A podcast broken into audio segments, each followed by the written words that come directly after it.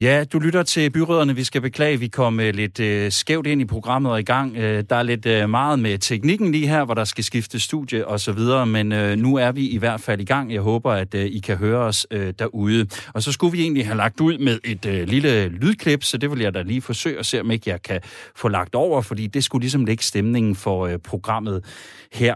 Så vi prøver lige at se, om ikke vi kan høre det her.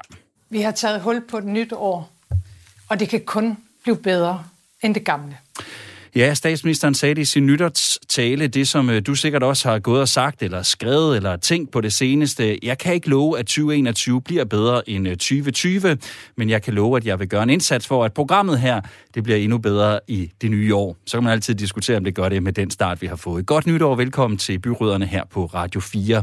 Et program, hvor vi taler kommunalpolitik, taler om de beslutninger og prioriteringer, som bliver taget på landets rådhuse, om samspillet og armlægningerne, både i byrådene, men også mellem kommunalpolitikerne og landspolitikerne i Folketinget. Jeg hedder Tue Sørensen, og jeg har fornøjelsen også her i 2021 at være din vært.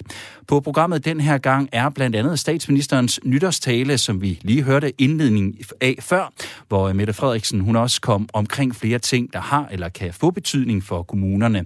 Vi skal nok en gang også omkring corona og nogle af de aktuelle udfordringer, som den giver i kommunerne. Blandt andet, når det kommer til børnepasning og vaccination. Og med de ord endnu en gang velkommen til byrødderne.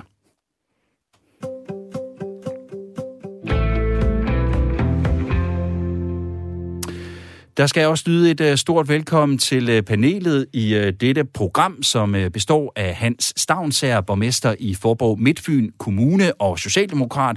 Hej med dig, Hans. Jeg håber, du kan høre mig. Det kan jeg i hvert fald. Hej, hej. Det lyder godt. Godt at have dig med, Hans. Pernille Bækman, borgmester i Greve Kommune og Venstrekvinde, er også med. Velkommen tilbage til programmet. Pernille. Tak skal du have, og godt nytår. Jo, tak, og i lige måde. Og så har vi også øh, dig med, Susanne Crowley Larsen, rådmand for børn- og øh, ungeforvaltning i Odense Kommune. Og så er du øh, medlem af byrådet i Odense Kommune for det radikale venstre. Hej med dig, Susanne. Hej med dig, og godt nytår. Jo, tak. Godt nytår til øh, jer alle tre. Jeg håber, I er klar, og som øh, I kan høre derude, så kører vi i en øh, coronavenlig udgave af programmet. Vi har lukket Radio 4-studie ned for gæster, så panelet altså er med på linjer hjemmefra, men derfor så skal det nu nok blive et meget godt program alligevel. Lad os øh, få snakket om øh, den her øh, nytårstale, som øh, statsministeren hun holdt. Øh, du sad måske også og så og lyttede med den øh, 1. januar, da Mette Frederiksen holdt den øh, traditionsrige nytårstale, som den siddende statsminister jo gør hvert år. Corona og nedlukning af landets fyldte jo naturligt nok det meste af talen, men der var også plads til en øh, række sådan, politiske tiltag og øh, visioner. Blandt andet så talte statsministeren om øh, det, som hun sagde fylder mindre i den offentlige debat, nemlig sammenhængen på tværs af vores land, altså mellem land og by og mellem kommunerne. Lad os lige prøve at høre, hvad det var, hun blandt andet sagde. Danmark er så lille, at uanset hvor du befinder dig, så er du aldrig mere end 50 kilometer fra havet. Alligevel er mulighederne blevet mere skævt fordelt. Du kan ikke længere blive lærer i Haslev. Nu skal du til Roskilde eller Vordingborg. Du kan ikke mere gå på erhvervsskole i Maribo. Nu er det nærmeste sted Nakskov eller Nykøbing. I mange byer, der tidligere havde et sygehus, er det blevet lukket. Kalumborg, Forborg, Haderslev, Dronninglund. Politistationer er nedlagt. Nogen siger, sådan er udvikling. Men det er ikke udvikling. Mange steder er det snarere afvikling. Hans, Forborg Midtfyn Kommune er jo øh, en af de kommuner, der jo nævnes øh, ved navn i øh, talen her fra øh, statsministeren. Er der mere afvikling end udvikling hos jer? Altså, det synes jeg ikke, der er. Øh, forstået på den måde, at øh, jeg synes, vi har godt gang i udviklingen her, men øh, vi skaber den selv, vil jeg sige, i vidt omfang. Øh, det, jeg er jo helt enig med statsministeren i forhold til at sige, at øh, den måde, som man sådan fra, fra statslig side af har prioriteret ressourcerne i de senere år, øh, der, øh, der er der sket en voldsom centralisering, og det kan vi godt mærke. Altså, vi har, som, som også vil sagt, mistet sygehus, vi har mistet politistation, vi har mistet vores domhus, så det er rigtig mange offentlige funktioner og offentlige arbejdspladser, der er forsvundet. Øh, og det er desværre en udvikling, som, er, som også er fortsat i de senere år. Øh, der har været meget snak omkring det her med at flytte arbejdspladser ud i landet, men øh, når vi kigger på de sidste fem år, så ligger vi faktisk i top 10 af kommuner, der har mistet statslige arbejdspladser. Så, så øh, der er blevet sagt mange rigtige ting, synes jeg, fra forskellige partiers side på Christiansborg de sidste fem år, men vi har ikke rigtig mærket noget til det endnu. Pernille, er du øh, enig med statsministeren? Er Danmark for usammenhængende, og er der sådan for store forskelle fra kommune til kommune? Jamen, det er jo rigtigt, som min øh, kollega siger, at, øh, at det, man ser på statslig hold, det er klart, det, der har igennem en, en årrække været en, et ønske om at centralisere det. Øh, nu går man så tilbage til en decentralisering, hvilket jo i bund og grund kan være meget fint. For vi oplever jo altså ulighed i sundhed. Øh, der er jo forskel på at bo i min kommune og i Vordingborg og på Falster. Men, men det er jo sådan et, et større puslespil, som man ikke bare kan løse ved et fingerknips, fordi det handler også om infrastruktur, det handler om, øh, om kollektiv trafik og alt muligt andet. Susanne, du, øh, ja, du er jo rådmand i Odense Kommune. Det er en af landets mm. store kommuner. Øhm, mm. Oplever du også, at der, der er forskel? Jeg ved ikke, om du oplever det, når du så er rundt i øh, andre steder i landet, eller hvad? Og hvad er det, du oplever i så fald?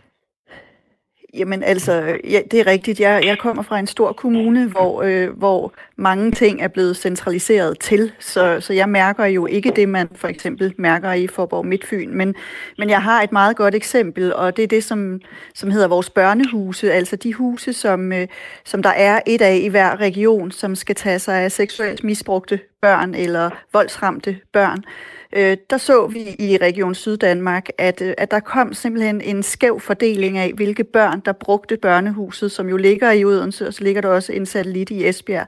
Mens dem, der boede i de mest sydlige kommuner øh, ned mod grænsen, øh, der kom børnene simpelthen sjældnere på børnehus. Og det er jo, det er jo simpelthen en ulighed, en skæv fordeling, hvor, øh, hvor der bliver gjort forskel på, på de tilbud, man giver til for eksempel sådan en sårbar gruppe som seksuelt misbrugte børn.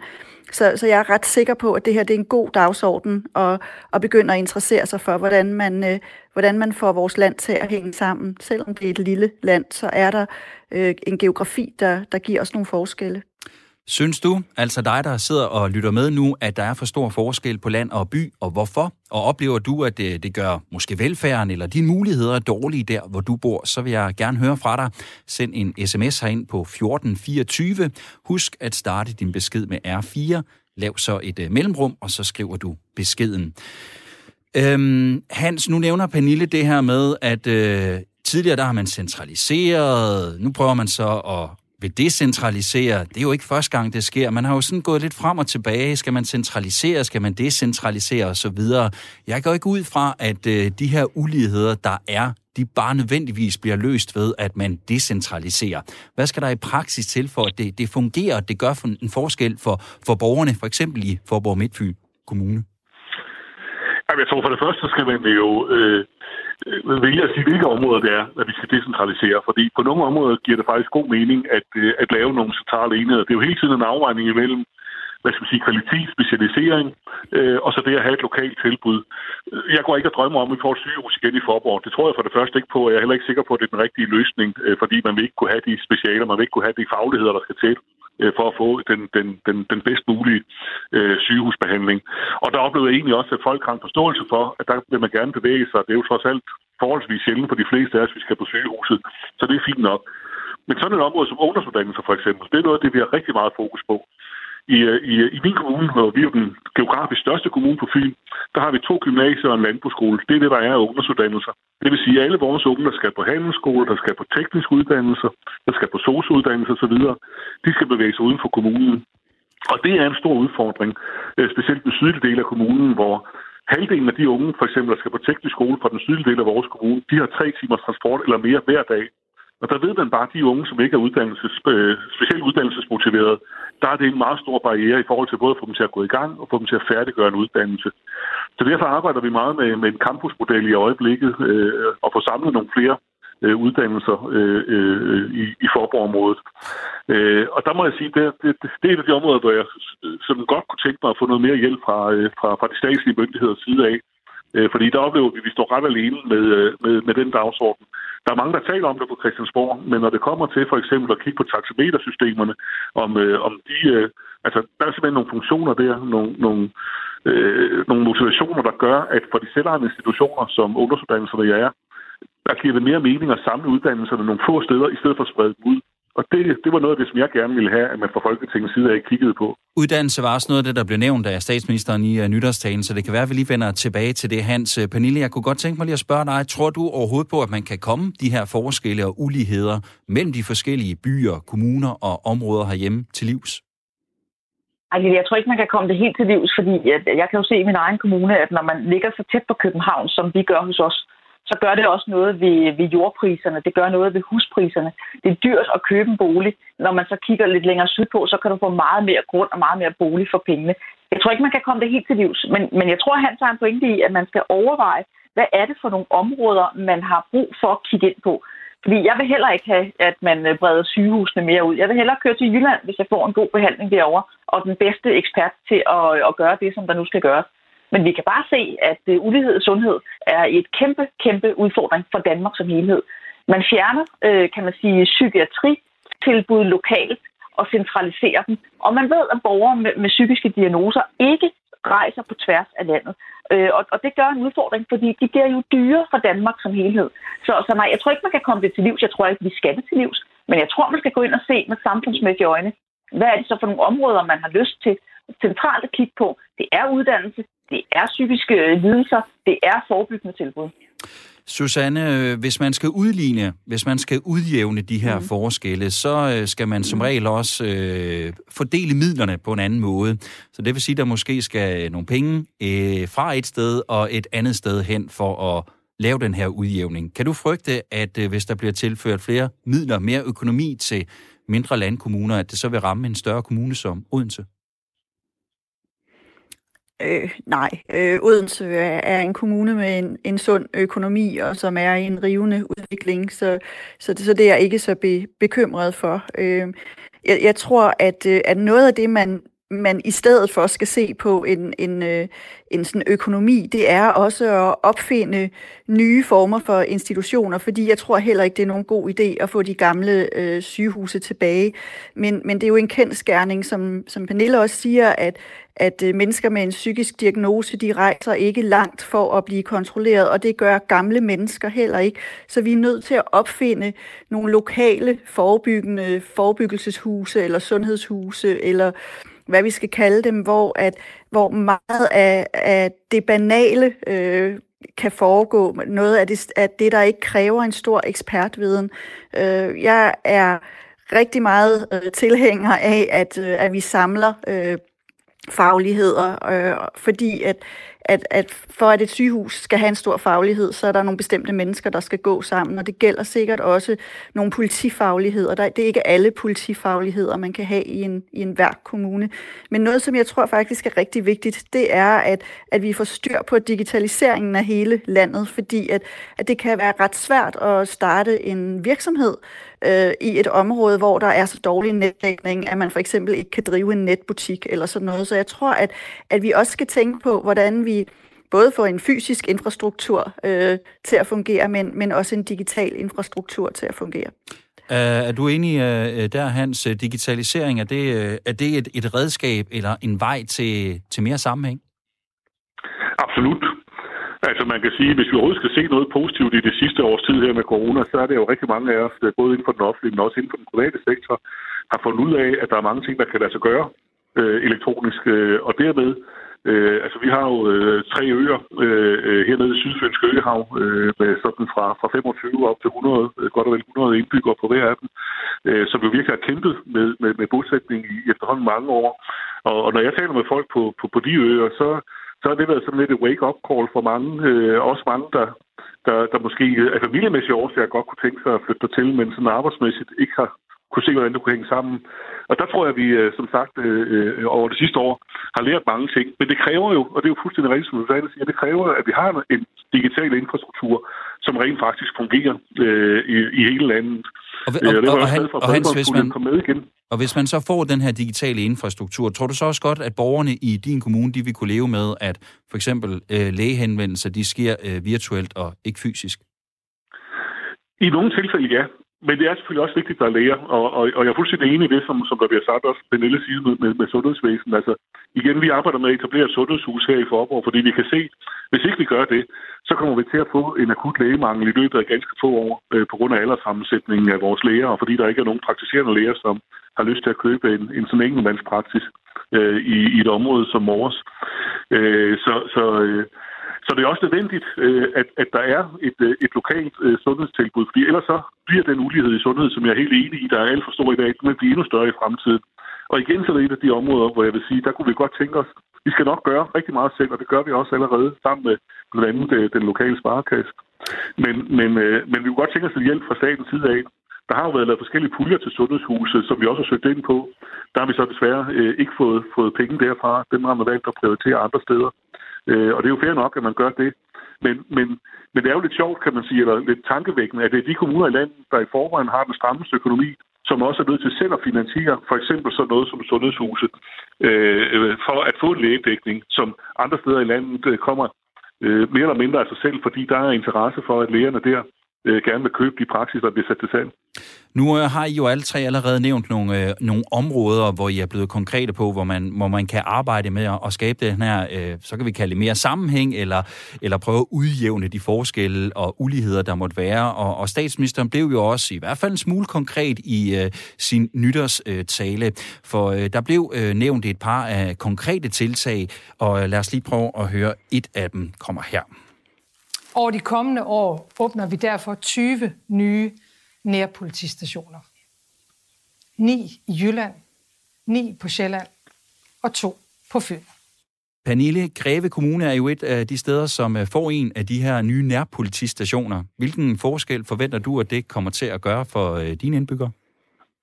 Jamen, jeg ved fra mine øh, borgere, at det gør en forskel, at man kan gå ned til en politistation og tale med dem om det, som skaber utryghed i, i hverdagen.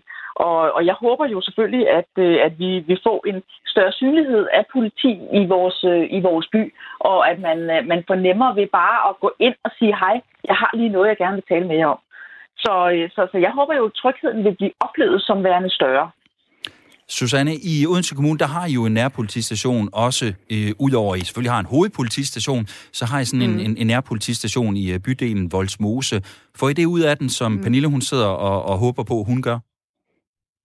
Ja, helt klart. Øh, fordi vi har jo netop øh, sammen med politiet ønsket, at der skulle være en større respekt om politiet, og at politiet skulle ses som, som nogen, der hjælper borgerne, og ikke nogen, som er imod borgerne.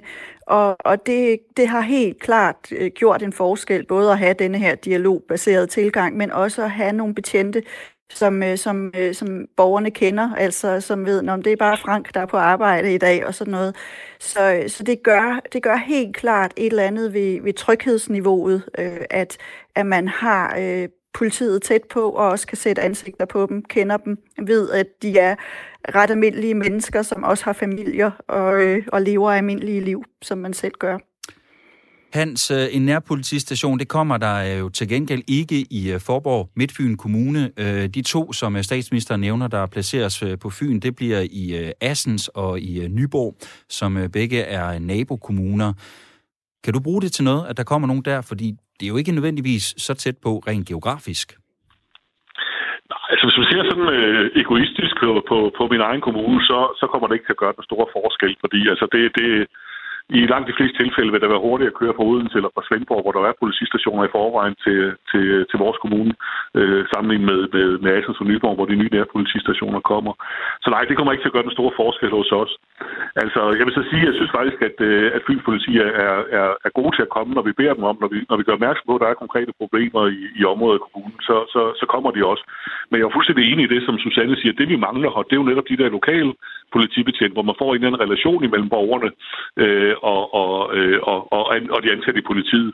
Altså, det, det, det har vi ikke, og det får vi heller ikke fremover, øh, i og med, at vi ikke får en nærpolitistation her. Lad os øh, hoppe videre til et øh, andet område, som også blev nævnt af statsministeren i øh, nytårstalen. Et, som øh, du også har nævnt tidligere, Hans, nemlig uddannelse. Lad os lige prøve at høre, hvad Mette Frederiksen hun sagde om det. I det nye år vil vi også etablere nye muligheder for, at unge kan uddanne sig lokalt igen, tæt på, hvor de bor og kommer fra. Hans, øh, det må da være sød musik i dine ører, det her? Jamen, det er det. Øh, nu mangler vi bare at sige noget handling også. Øh, det, det regner jeg så med, at det kommer. Men, og hvad er det for en altså, handling, du forventer sagt, kommer så? Jamen altså nu, øh, altså jeg, jeg er ikke... Jeg har hørt, at øh, som efterfølgende, at det nok mest var, var nogle af de professionsuddannelserne, der måske blev tænkt på at, Øh, og det er jo også fint, hvis de kan komme, komme længere ud, altså læreruddannelse, pædagoguddannelse og sygeplejersker osv. Øh, det, igen bliver det nok næppe i, øh, i, i min kommune, at, det, at det, de dukker op. Altså vores fokus er, som jeg sagde tidligere, ungdomsuddannelserne, fordi det er der, vi virkelig oplever, at vi har en udfordring. Altså hvis vi gerne vil have, og det vil vi jo gerne have flere unge til at tage og færdiggøre en ungdomsuddannelse, så er vi simpelthen nødt til at have en bedre dækning geografisk med uddannelserne, vi har i øjeblikket. Vi har nu i to år arbejdet sammen med, øh, med, med, med gymnasiet i Forborg, gymnasiet i Svendborg og Erhvervsskolen i Svendborg om at lave en campusmodel i Forborg, hvor man blandt andet kan lave nogle grundforløb på erhvervsuddannelserne. Øh, og man kan sige, Udgangspunktet for de snakker var en egentlig fusion imellem de tre øh, uddannelsesinstitutioner, fordi det på mange måder vil gøre ressourceforbruget og, øh, øh, lettere. Mm. Øh, og og der, der oplevede vi så lige pludselig her i foråret, at der kom undervisningsministeren som en melding om, at regeringen nu mente, at, øh, at alle fusioner inden for ungdomsuddannelser skulle stoppes. At det ikke var, at det måtte, det måtte man ikke længere. Efterfølgende har vi så været i dialog med ministeriet for at vide, at der kunne godt måske laves dispensationer, men, men min pointe er bare at sige, at, øh, at, at øh, jeg synes, vi har fået flere benspænd indtil videre i hvert fald i forhold til det her med at prøve at skabe lokale uddannelser fra, fra Folketingets og, og, og skiftende regeringers side, end vi egentlig har fået hjælp til det. Men øh, jeg kan jo kun være glad for, at øh, der er den fokus på det, og, og, og så håbe på, at, øh, at handling også følger bag ordene. Der er i hvert fald øh, et fokus på det, og Pernille, så kan, vi jo, så kan vi jo kun lidt tolke på, om det så øh, gælder professionshøjskoler, eller det også gælder ungdomsuddannelser, eller, eller, eller hvilken form for uddannelse øh, det er, der er tale om her. Men, men er det en udfordring i Greve Kommune også med, med uddannelsessteder lokalt? Man kan sige, I har jo hovedstadsområdet lige rundt omkring jer. Altså, jeg, jeg tror måske, det skulle være lidt beskarmt, hvis jeg sagde, at vi er udfordret på samme måde som andre kommuner, for det er vi ikke. Men det, vi kan se, øh, og, og der glæder jeg mig til, at, øh, at der kommer handling bag hendes ord, fordi ja, det er jeg enig med Hans i. Det er der øh, skiftende regeringer, som har sagt til gang på gang på gang, og vi har sådan set ikke rigtig oplevet det endnu. Det er, at øh, Danmark skriger på, øh, på kloge hænder. Ikke? Vi skriger på erhvervsuddannelser, på tømmer, på elektrikere, på, øh, på hele håndværksbranchen. Og vi har fået en, øh, en tømmeruddannelse til, til, til Greve, det er ikke regeringens fortjeneste. Det er vores øh, campus nede i Køge, som har lavet en underafdeling hos os. Og vi kan bare se, at, øh, at søgningen til den fra lokale unge, den er bare større. Så, så der er jo noget om, at når, øh, når det er nemt og det er tilgængeligt, så, så øger man også optaget. Så, så jeg håber selvfølgelig på, at de holder op med at lave benspænd, fordi det har de gjort. Håber også, at det ikke er udelukkende med fokus på, på de videregående, højt uddannede øh, mennesker, som skal, som skal uddannes, men at man simpelthen kigger ned og siger, jamen, men de kloge hænder, hvordan får vi flere af dem? Et er, er tilgængeligheden, noget andet er jo så øh, kvaliteten af den uddannelse, man får. Øh, Claus har skrevet ind på sms'en og spørger, hvordan sikrer man egentlig uddannelsernes kvalitet med mange flere lokationer, hvis man får det? Pernille, det kan du jo måske svare på. Hans, du kan måske også byde ind bagefter, fordi hvis, hvis man spreder flere uddannelser ud på flere steder, så er der vel en kvalitetssikring, som også skal finde sted, og hvordan sikrer man den? Jamen, det er klart, at, øh, at, at det kan selvfølgelig blive en udfordring, men, men jeg kan se hos os, at når det bliver en underafdeling af noget andet, så hører lærerne jo til i et fagligt miljø et andet sted, men har så bare en beliggenhed i Greve.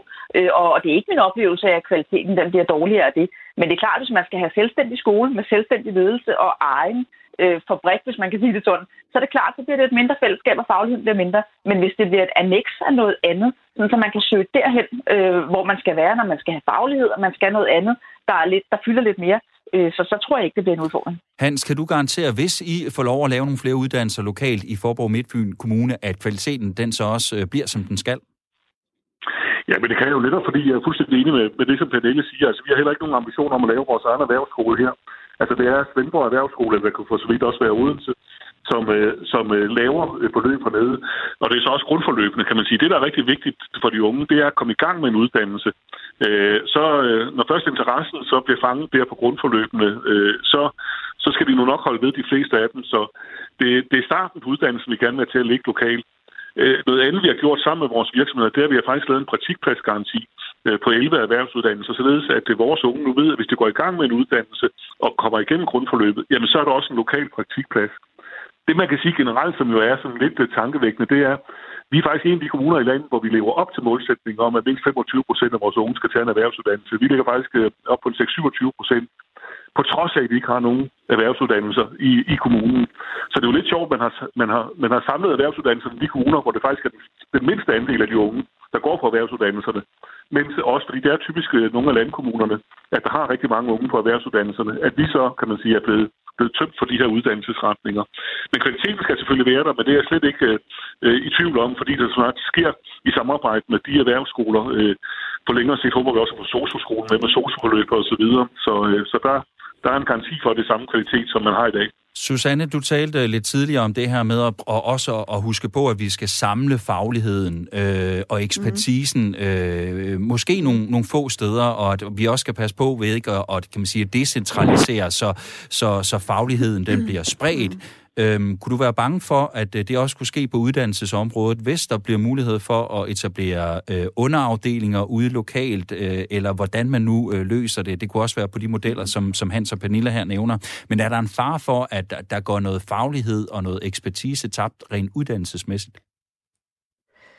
Jeg tror, at øh, jeg tror, det er rigtig vigtigt, at, øh, at man faktisk lige præcis bruger nogle af de modeller, som øh, Hans og Pernille beskriver, at man laver nogle satellitter eller underafdelinger af, eller annexer, eller hvad man vil kalde dem, sådan at underviserne stadig hører til et fagligt miljø, et, et andet sted, og, og, og har et fagligt fællesskab med, med nogle andre. øh, øh, som, som underviser i det samme. Øh, så, så det tror jeg er, er rigtig vigtigt. Og så tror jeg også, det er lidt vigtigt at skelne mellem det, som man kunne kalde ungdomsuddannelser, inklusiv erhvervsuddannelser, over for videregående uddannelser, fordi at med videregående uddannelser, der har de unge en alder, hvor de øh, alligevel skal flytte hjemmefra, de fleste af dem, og er meget mere mobile, end, end man er, når man er 15, 16, 17 år og, og skal til at, at starte på sin ungdomsuddannelse.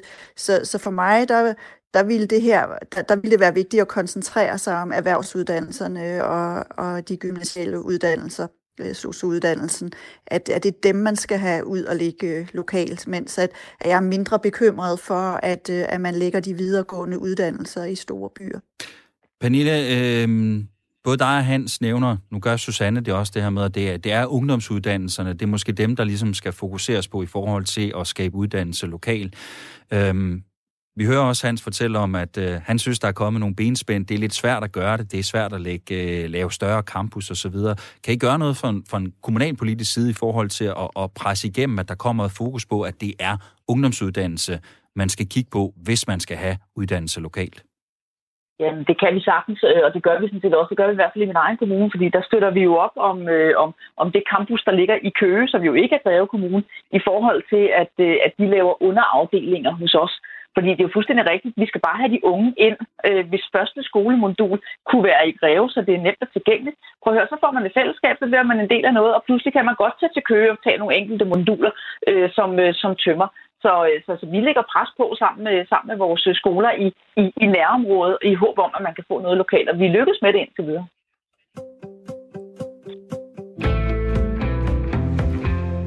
Du lytter til Byråderne på Radio 4, et program om kommunalpolitik. Mit navn er Tue Sørensen, og med mig i programmet her er et panel bestående af Hans Stavnsager, borgmester i Forborg Midtfyn Kommune for Socialdemokratiet, Pernille Bækman, borgmester i Greve Kommune for Venstre, og Susanne Crawley Larsen, rådmand for børn- og ungeforvaltningen i Odense Kommune for det radikale Venstre. Vi er ved med det her program gerne være med til at sætte fokus på kommunalpolitikken og på det arbejde, der bliver lavet på landets rådhuse. Og det gælder både det positive, men også hvis der er noget, der skal kritiseres. Derfor så beder jeg panelet paneldommet øh, om at uddele, hedder det enten et øh, kommunalpolitisk skulderknap, skulderklap, det går rigtig godt med tungen, eller en bredside, det var rigtigt udtalt, ros eller ris i det, vi kalder ugens prik, prik, prik. Og Pernille, som den rutinerede paneldeltager, vil du så ikke lægge ud med din ugens prik, prik, prik? Jo, nu øh, er vi jo sådan set alle sammen, øh, kan man sige, hjemsendt og arbejder hjemme, og det gør jeg også selv. Og noget af det, som jeg i hvert fald øh, bruger meget af min dag på i dag, det er at kigge på alle dem, som kører rundt og rydder sne for os i min kommune. Øh, og det tænker jeg ikke er den eneste kommune, de gør i. Så jeg synes faktisk, at vi skulle øh, sende en, en stor tak til, til alle de øh, tekniske medarbejdere, som, øh, som kører rundt på landets veje i øjeblikket og garanteret fryser. Snerydderne, de skal have et skulderklap. Har de også været ude øh, i øh, Odense, Susanne, og øh, rydde veje her til morgen eller i dag? Øh, ej, der er ikke rigtig ah, så, meget så meget sne, her. Øh, der, der er lidt, lidt slud med mellemrum, så, Nå, så okay. det har de ikke. Men jeg er sikker på, at de, de nok skal rykke ud, hvis der kommer noget sne. Man øh, forestiller sig også næsten, at de bare har siddet og ventet og siddet og trippet på at kunne endelig kunne komme ud, mm. inden nu bliver det vinter, og der kommer lidt nedbør. Øhm, mm. Hans, hvad er din ugens prik, prik, prik? Jamen, det er sådan set både lidt ros og lidt ris. Øh, vi skal til vores nabokommune i Nyborg, hvor man i 10 år nu har arbejdet med et rigtig spændende projekt med, at øh, Nyborg Slot, øh, som jo er sådan helt centralt i Danmarks historie. Nyborg var jo øh, hovedstad i, øh, i Danmark i øh, en længere overrække i middelalderen, og Nyborg Slot var der, hvor kongemagten holdt til. Og der har man så arbejdet med de sidste 10 år et meget stort projekt, hvor man øh, vil, øh, vil, vil genopbygge dele af slottet og sådan forvidningsmæssigt for at vise, hvordan det ser ud. Og øh, det har været i samarbejde mellem kommunen og, og øh, øh det lokale museum, øh, Slots- og Kulturstyrelsen, og så ja til projektet, og de har fundraiset 350 millioner kroner til det, øh, og var klar til at gå i gang. Øh, I øvrigt også ansøgt om at blive UNESCO øh, verdenskulturarv, hvilket der skulle være gode muligheder for. Men så kom der en klage fra en borger til øh, Miljø- og Fødevareklagenævnet, og med stemmerne 4-3, så øh, har nævnen så sagt øh, nej til projektet. Så nu kan man så lægge øh, 10 års arbejde og 350 millioner kroner til, til side. Øh, og nu, nu er det ikke for at lyde så mange Fogh Rasmussen, og i sin tid gik øh, i flæsket på råd og nævn og så videre, men, men nogle gange så synes jeg måske, at det her det er måske de mere grælde eksempler, men nogle gange så synes jeg godt, man kan opleve, at de afgørelser, der bliver truffet i diverse nævn, øh, er sådan ret langt væk fra den øh, hverdag, vi andre sidder øh, med. Men det lyder også lidt underligt, at der skal gå 10 år, hvor man stadigvæk har mulighed for at klage. Kunne der ikke have været styr på det, inden øh, man øh, nåede så langt i projektet? Nå, men det er jo fordi, det er den afgørelse, som så også Kulturstyrelsen har truffet, som der så bliver klaget over. Og den er så ligget her øh, ja, relativt sent i projektet. Øh. Så det er simpelthen det, der gør, at, øh, at det har kunne, øh, kunne stå på arbejde så længe, men altså nu er blevet stoppet? Altså man regner jo med, at Slots- og Kultur, øh, øh, Kulturstyrelsen, kan man sige, som er dem, der ligesom tager sig af vores, øh, øh vores øh, kulturhistorie, når de øh, siger ja til projektet og øvrigt aktivt med i det, og synes, det er et godt projekt, så tænker man jo, at, øh, at, der, at fag, fagkundskaben og fagligheden nok er på plads. Men øh, øh, der har vi altså et nævn, som som sagt med stemmerne 4-3, øh, synes, at, øh, at det var den ikke. Okay. Susanne, kan de være lidt øh, svære at bøvle med, sådan nogle øh, nævn og råd i forhold til at, at få lov at, at gøre nogle ting også kommunalt?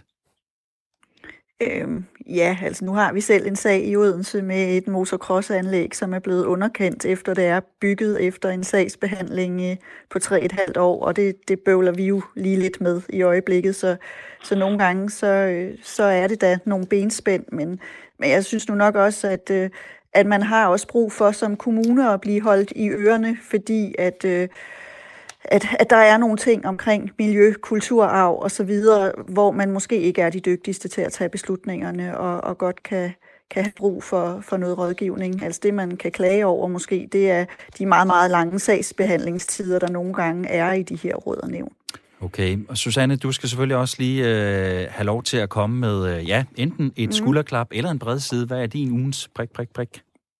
Øh, jamen, det er, det er faktisk et skulderklap til øh, kollegerne i Aarhus, som er, er lykkedes med at lave en skole, som er for børn med og uden autisme. Altså en skole, hvor børnene går i skole sammen, fordi at man har givet alle medarbejderne de kompetencer, der skal til, og fordi man har indrettet klassestørrelser og, øh, og så videre, øh, så, så det kan lade sig gøre. Og det er selvfølgelig en, en dyr løsning, men det gør, at nogle børn, som måske ellers ville gå i et specialtilbud, går i en helt almindelig folkeskole.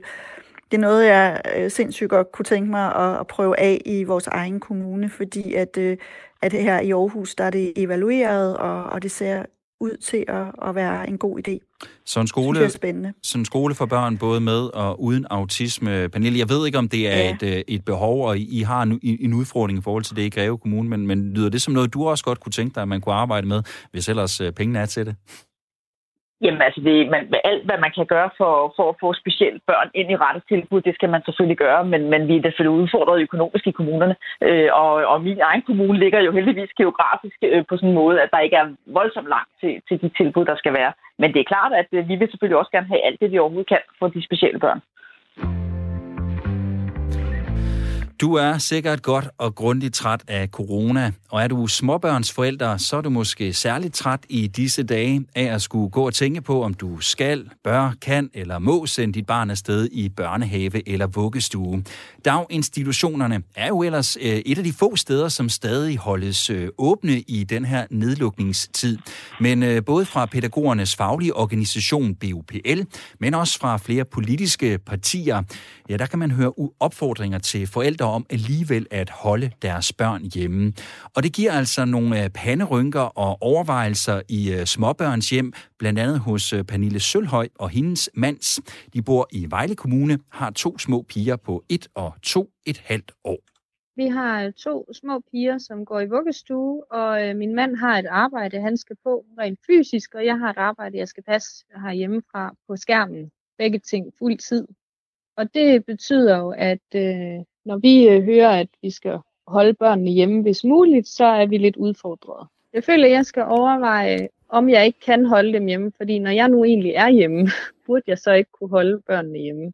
Og i praksis kan det ikke lade sig gøre. Øh, jeg kan ikke arbejde med så to så små børn, men man kunne jo godt gøre nogle ting for at få puslespil til at gå op, måske få en bedsteforælder over at hjælpe og sådan nogle ting.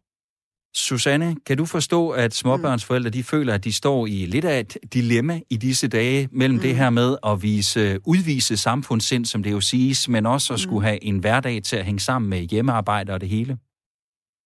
Ja, det kan jeg sagtens forstå, og jeg vil sige, at min indbakke er fyldt med, med bekymrede forældre, som skriver lidt af det, vi lige har, har hørt. Øh, selv prøver jeg at balancere øh, mellem det her med, at man ikke skal have dårlig samvittighed over at aflevere sit barn i dagtilbud, hvis, øh, hvis det er nødvendigt for, at man kan passe sit arbejde. Men samtidig så siger jeg også, at hvis man på nogen måde kan planlægge sig ud af det, øh, øh, så, er det også en, så er det også en stor hjælp at holde børnene hjemme. Øh, måske også, hvis man kan hente lidt tidligere, eller øh, en enkelt dag om ugen ikke behøver at aflevere. Øh, og, og det er jo også lidt fordi, at, øh, at medarbejderne i dagtilbud, de er jo også lidt tyndslidte, fordi at, øh, at de jo også hele tiden bliver sendt hjem i selvisolation eller sendt hjem til test. Øh, så der er, øh, der er få voksne på arbejde, og der er mange vikarer. Øh, så, så alene den grund øh, er der også et behov for, at der ikke er så mange børn, som, som der plejer at være. Men, men det er en svær balancegang at, at være i, synes jeg, både som forældre, men også som politikere, der skal, der skal råde forældrene. Og når du prøver at balancere, uh, Susanne, er det så noget, du gør, når du svarer tilbage på de folk, der skriver til dig, eller er det sådan en mere mm. officiel udmelding, du er kommet med omkring det her? Jamen altså, øh, jeg har meldt officielt ud, at øh, jeg håber, at, at, øh, at man kan planlægge sig ud af, at ens børn ikke behøver at komme afsted øh, lige så mange timer, som de plejer, men at øh, man ikke skal føle dårlig samvittighed, hvis man, øh, hvis man synes, man er nødt til at aflevere sit barn for at kunne passe sit arbejde. Okay.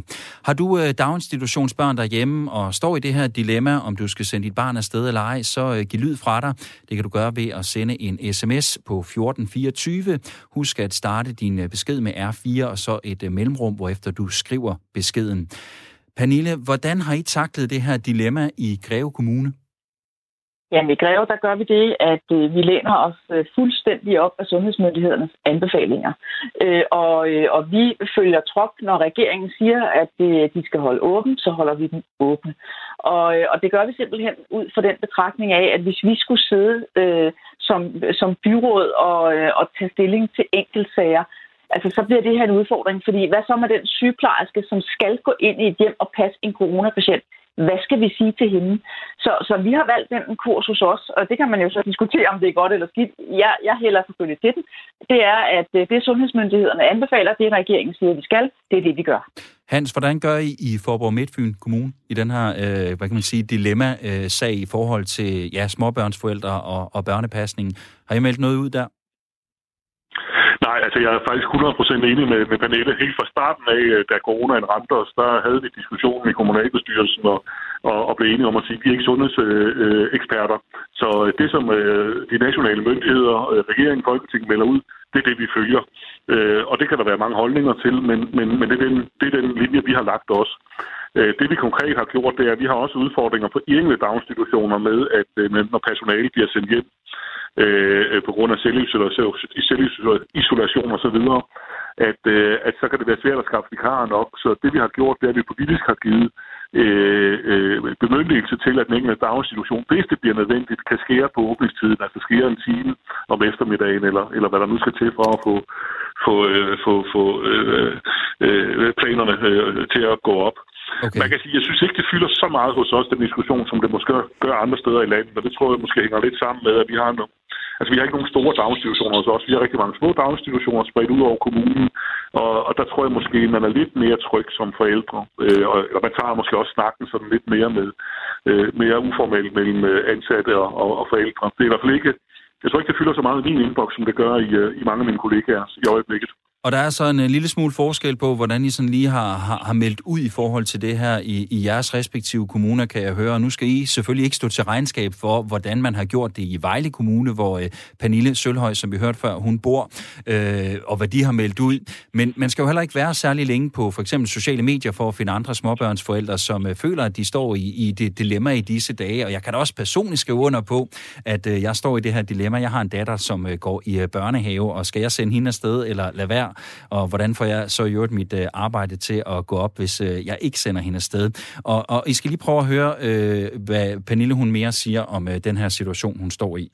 Jeg kunne godt tænke mig, at der blev, der blev gjort lidt mere klart, hvornår det er, de gerne vil have, eller kan se, at det er muligt at holde sit barn hjemme. Lige nu er, at udmeldingen, den giver mest anledning til dårlig samvittighed og, og dilemmatænkning en dårlig samvittighed over for pædagogerne, som ikke kan være hjemme med deres børn, fordi de skal passe mine børn.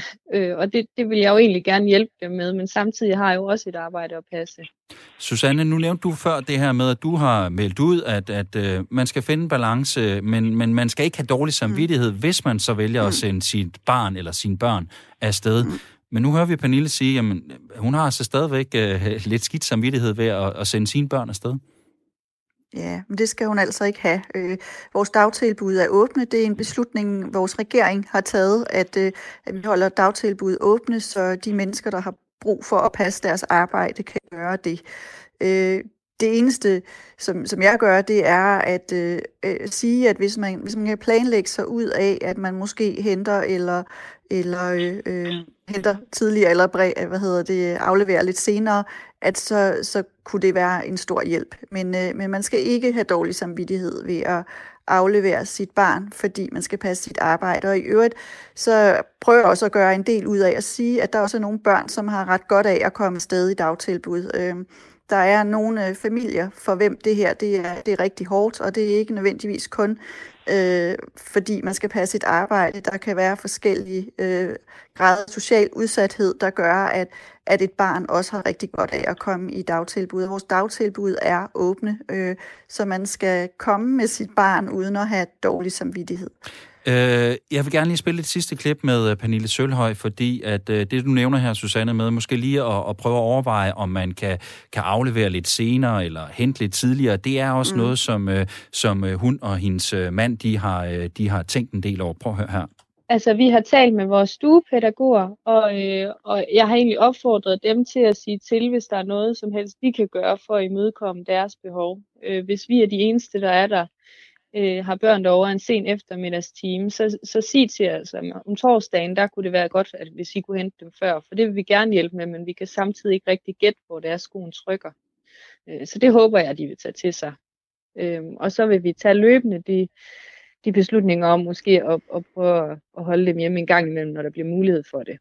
Det er mere eller mindre den samme diskussion eller samme snak, jeg har haft med min kæreste derhjemme, og jeg har også snakket med øh, den pædagogiske leder over i, øh, i min datters børnehave og sagt til, til ham, at øh, jamen, hvis de har nogle problemer på nogle tidspunkter, så må de jo sige til, hvis øh, din dag ligger underdrejet, fordi at øh, folk de skal isolere sig eller er blevet syge og ikke kan hente vikar, jamen, så må de ringe og sige det, og, og så, så vil vi selvfølgelig finde ud af, om ikke vi kan, kan holde vores datter hjemme. Men, men Susanne, er det fair, at vi som forældre skal stå med det ansvar at tage den beslutning, og også at øh, pædagoger i daginstitutionerne i virkeligheden skal stå og måske appellere lidt til, til forældrenes gode samvittighed? Altså jeg vil sige, jeg, jeg bliver helt varm om hjertet, når jeg hører Pernille sige det her, og, og også når du siger det. Øh, der er jo ingen tvivl om, at coronakrisen har bragt os ud i situationer, som vi ikke er vant til at håndtere. Og jeg tror, at, at her ser vi en af dem, at, øh, at vi bliver alle sammen nødt til at gøre noget, som vi ikke plejer at gøre. Øh, og, øh, øhm, øh, øh, og, og det kan nok ikke være anderledes. Jeg tror ikke, at man kan få øh, politikere til at tage enhver beslutning omkring, hvordan et hvert dagtilbud i ens kommune skal, skal køre. At der er noget, som er et samspil mellem forældrene, der bruger dagtilbuddet, øh, eller dagplejeren, øh, og, og det, de medarbejdere og den leder, der er der.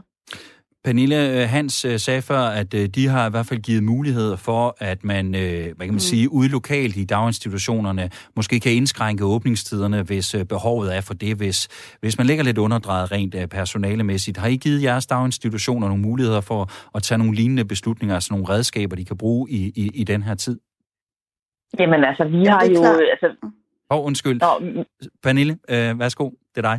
mit, ja, mit indtryk er egentlig, at, øh, at det finder de ud af med forældrene, og når der ikke er nogen børn i institutionen, så skal de selvfølgelig ikke holde den åben og sidde der og kigge ind i væggen. Men, men jeg forstår sådan det godt, at forældrene, sådan, man er jo også bange, fordi at, at man er jo bange for, at børn bliver smittet, man er jo bange for, at smitten kommer med hjem. Øh, så jeg forstår godt den angst, der, øh, der er i samfundet omkring det her. Hvad skal man gøre, hvad skal man ikke gøre? Men, øh, men, men det er jo det, der er med anbefalinger. Det er jo ikke noget, man skal gøre, det er noget, man kan gøre. Øh, og, og vi er også nødt til selv, og kan man sige, tage ansvar for, for vores eget liv. Men, men det er meget dilemmafyldt, altså, og, og det er jo også derfor, at vi læner os fuldstændig op af de retningslinjer, der kommer. For hvis vi skal sidde øh, på hver eneste sag og vurdere, at det her synd, at det her ikke synd, jamen, men, men, men det kan man ikke. Altså, fordi at der, der vil altid være gråzoner i, øh, i sådan en pandemisituation, som, øh, som vi er i. Men lederne hos os, altså, de skal jo ikke holde åbent, hvis ikke der er børn. Susanne, nu fik jeg afbrudt dig før, men øh, mm. så kan jeg jo spørge dig om noget andet, fordi et er selvfølgelig øh, os forældre og, mm. og det dilemma, vi står mm. i. Noget andet er, er jo er personalet i daginstitutionerne. Mm. Hvad for nogle meldinger får du fra, fra medarbejderne? Er de bekymrede for at gå på arbejde? Ja, de er bekymrede for at gå på arbejde, nogle af dem. Øh, Måske fordi de selv øh, er, er sundhedsmæssigt øh, sårbare, eller et familiemedlem er det. Så de, de er selvfølgelig bange for måske selv at blive smittet eller tage smitten med hjem. Men, men de er faktisk også ret bekymrede for den pædagogiske kvalitet, de leverer.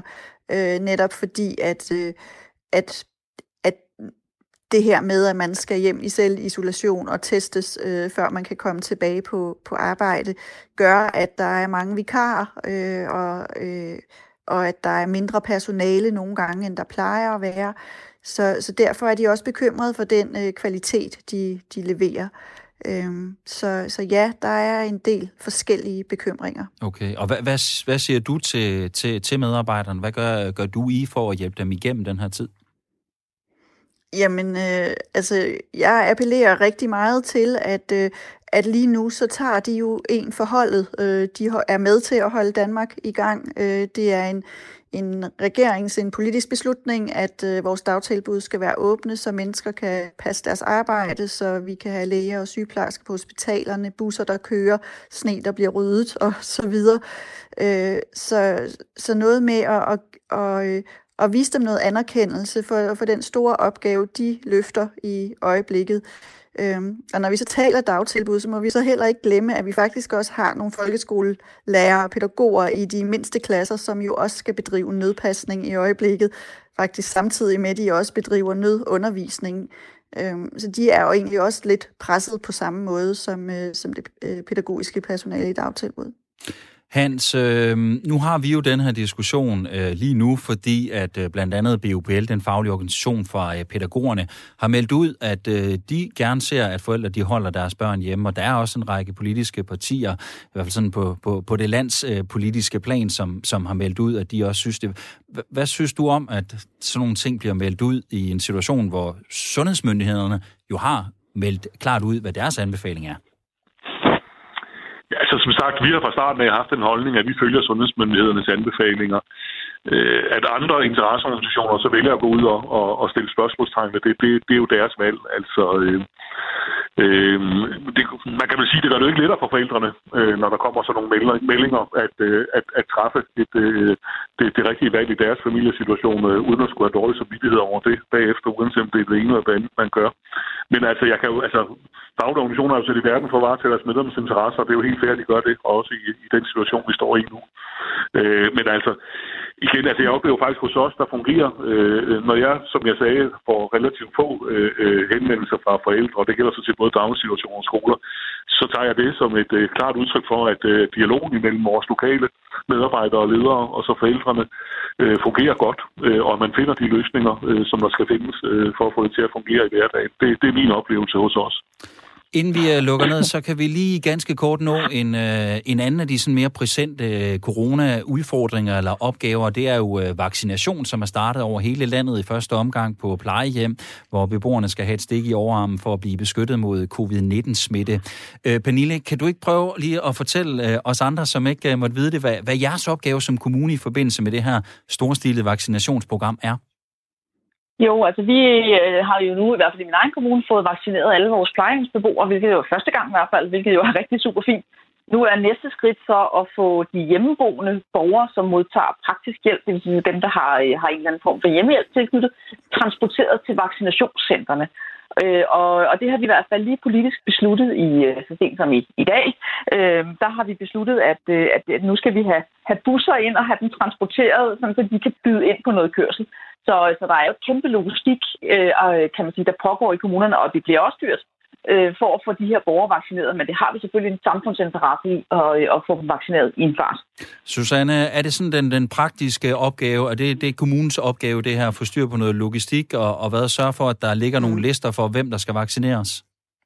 Ja, det er det altså. Øh, for, altså. Vi har jo også fået vaccineret plejehjemsbeboerne, og der, der har vores opgave, for det er jo de praktiserende læger, der vaccinerer, men, men kommunens opgave, det er jo at indhente samtykke og sørge for, at de, de ting er klar, øh, og at logistikken omkring det er klar, at der er et sted, man kan sidde, øh, øh, hvad hedder det, lidt hjælpepersonale og, og de remedier, man skal bruge og, og den slags ting. Så, så, så det, det er det samme som i Greve, formoder jeg, at vi skal gøre her. Hans, øh, det er jo ikke jer som kommune, der har indflydelse på, øh, hvem der skal vaccineres. I skal stå for noget logistik og noget praktisk og indhente samtykke osv. Men kunne du for eksempel godt øh, tænke dig en situation, hvor I måske som kommune, øh, hvis I gerne vil vaccinere det pædagogiske personale, eller alle plejehjemsbeboere, eller lærere, eller hvad det nu måtte være, at I havde lidt indflydelse på, hvem der skulle vaccineres? Altså for at være helt ærlig, så nej. Altså vi er tilbage ved at sige, at øh, der er nogle nationale myndigheder, sundhedsmyndigheder, som, øh, som vurderer, øh, hvad der er det rigtige. Jeg tror, hvis øh, vi i 98 kommuner skulle sidde i byrådet og diskutere, hvilke grupper, der skulle komme før andre grupper, det tror jeg vil blive en, en meget uskyndt øh, politisk diskussion for det første, og det vil skabe en rigtig meget usikkerhed øh, rundt omkring i landet, hvis det var forskellige konklusioner, vi nåede frem til. Øh, så, så øh, vi tager den rækkefølge, som de nationale myndigheder øh, melder ud og løser de udfordringer, som der er. Man kan sige, at vi er jo øh, en af de kommuner, der er kommet relativt langt øh, tilbage i køen, fordi vi har et lavt incidenstal, og det synes jeg også er rimeligt nok. Der er andre, der har stået foran os.